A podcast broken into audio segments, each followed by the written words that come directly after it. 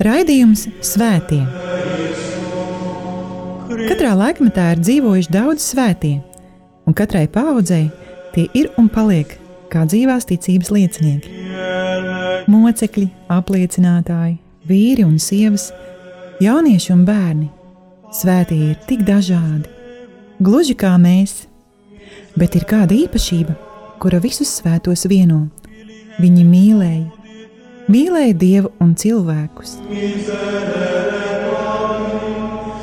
Raidījums par svētījumiem ir stāstījums par Dieva mīlestības reālo klātbūtni mūsu dzīvē. Santa Trinitas unos Deus, miserere Patris, Santa Maria, ora Darbie radījuma arī klausītāji, ētera skan raidījums par visiem svētajiem, un pie mikrofona esmu es, Priesteris Vячeslavs. Raidījuma ciklā par pagājušā gadsimta svētajiem un svētīgajiem, kuru esam iesākuši pagājušā gada adventa sākumā, jau esam sastapušies ar Svēto Mariju Goretti, ar Svēto Džemu Galgani un Svētīgo Lauru Vikuniju, vārdarbības upuri, kura nodzīvoja šī pasaulē tikai 12 gadus. Pēc tautības svētīga Laura bija čīliete. Šoreiz mazliet pastāstīšu par svētīgo Zeferīnu Namunkuru, Argentīnas zemes bērnu.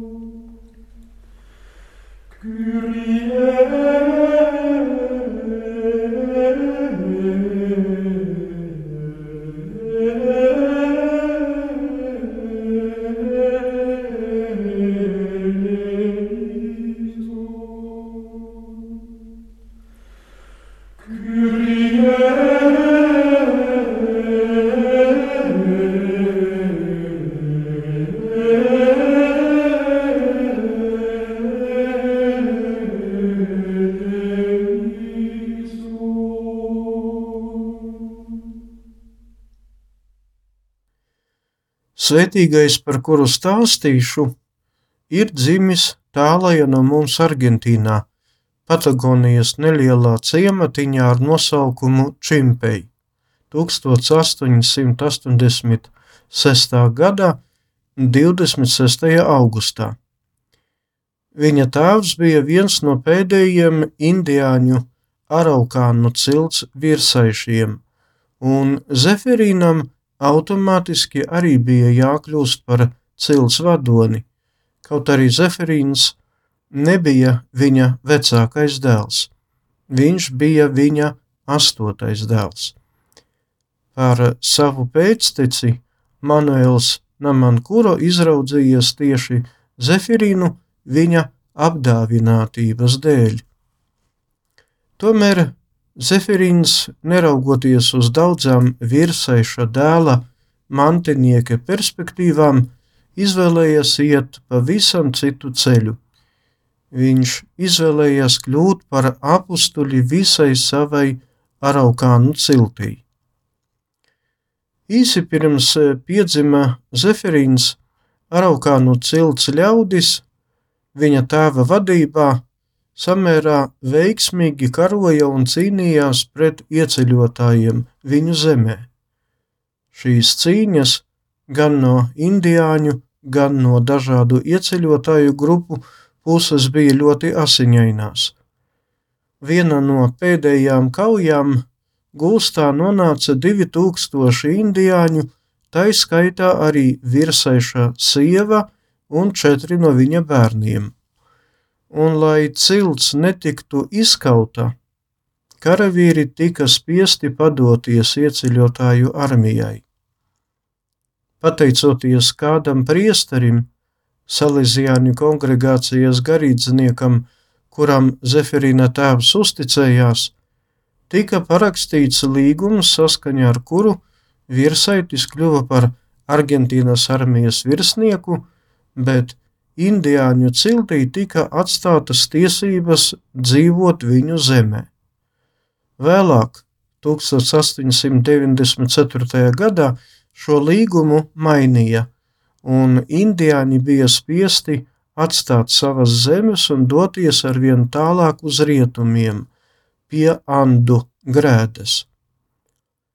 Divu gadu vecumā Zefirīns tika atdots Salīzijānim vārdā Dominiks. Tēvs vēlējās, lai viņa dēls, kuram ir paredzēts kļūt par visas vir, cilts virsaiti, tiktu audzināts balto cilvēku reliģijā un kultūrā. Tad arī notika kristības, un dēlu nosauca par Zeferīnu, par godu 3. gadsimta pāvestam moceklim Zefirīnam. 1897. gadā Zeferīna tēvs, izmantojot savas Argentīnas armijas virsnieka tiesības, vēlējās iekārtot savu dēlu armijas akadēmijā. Tas arī notika. Tomēr par laimi, vai arī taisni otrādi nelaimi, tā kā Zeferins bija vienīgais indiānis šajā akadēmijā, pārējie akadēmijas audzēkņi izturējās pret viņu ne tikai nelaipni vai nedraudzīgi, bet cietsirdīgi un ārkārtīgi nicinoši un naidīgi. Zeferins akadēmijā sāka zaudēt svaru un beigu beigās no nemitīgas nervozēšanas saslima. Viņu pārcēla uz Buenos Airesu, uz Salesiāņu skolu. Tur viņa veselības stāvoklis uzlabojās, viņš labi mācījās, un tas ļāva viņam ļoti ātri kļūt par vienu no skolas labākajiem audzēkņiem. Jautāts, kas viņam skolā visvairāk patīk, Zefirins atbildēja: baznīca un ēdiens, un uzreiz piebilda, ka viņam joprojām neļauj ēst maizi no altāra. Kad mazajam Araukānu cilts virsaitim piepildījās 12 gadi, viņš beidzot pieņēma pirmo reizi to maizi no altāra pirmo svēto komuniju.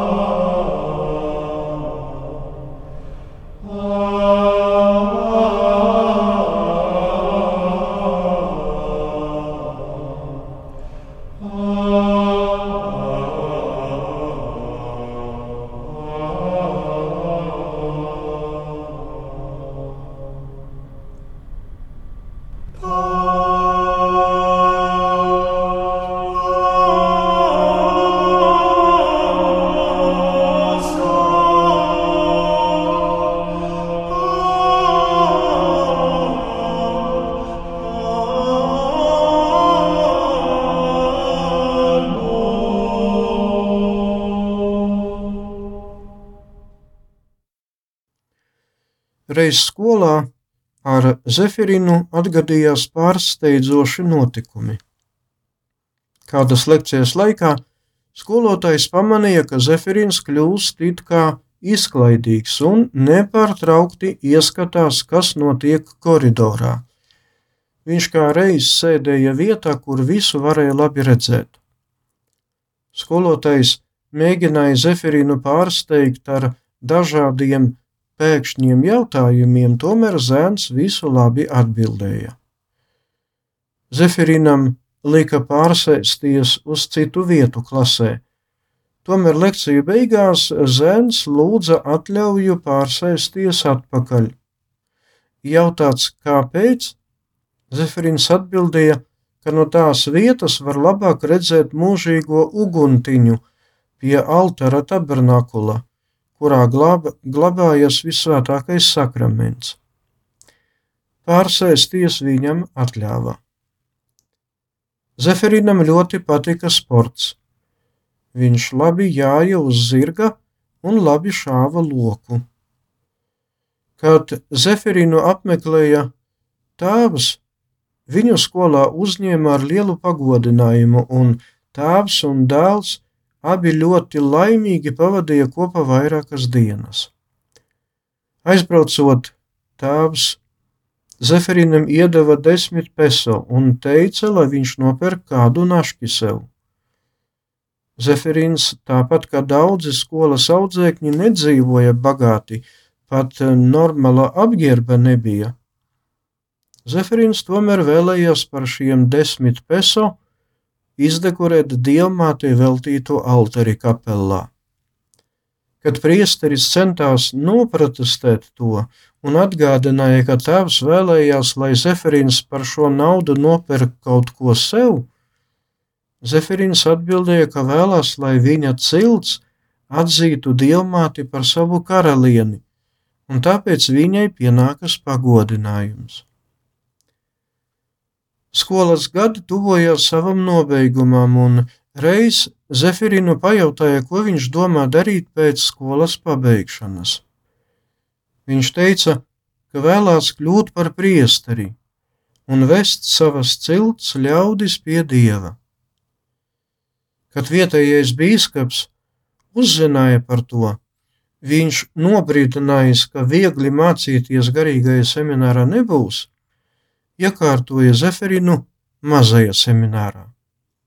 1903. gada 24. septembrī norganizējis procesiju žēlīgas diamātes godam, Zeferins noguruma pārņemts iekrita savā gultā. Pēc kāda laika pamodies, viņš viss bija asinīs un smagi klepoja.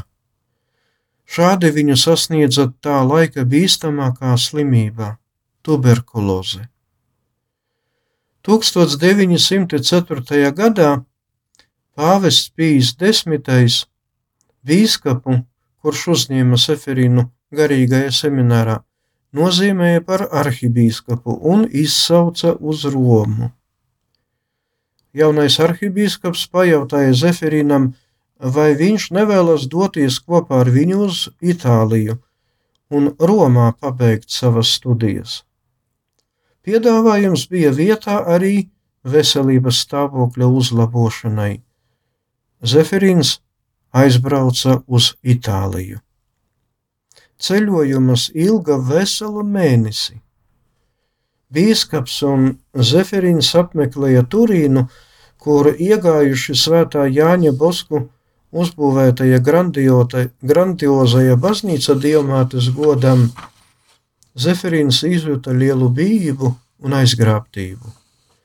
Vēlāk, kad Zeferīnu meklēja, viņu vienmēr varēja atrast bazilikā, lūdzoties milzīgās diamātes kristīgo palīdzības altargleznas priekšā.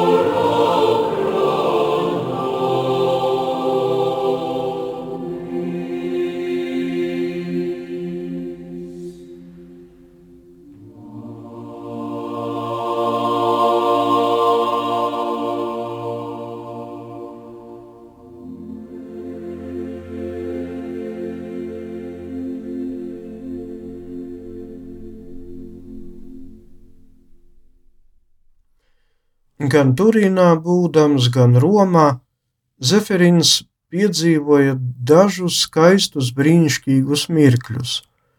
Viņš kļuva par atsauliecinieku tam, kā tika pārnestas svētā Jāņa Bosko relikvijas.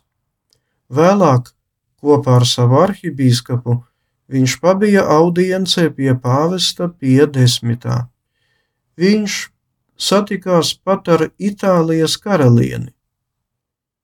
Zeferins uzsāka studijas Turīnā, tomēr 1905. gada martā viņa veselības stāvoklis pēkšņi sāka pasliktināties, bet aprīlī viņu ielika slimnīcā.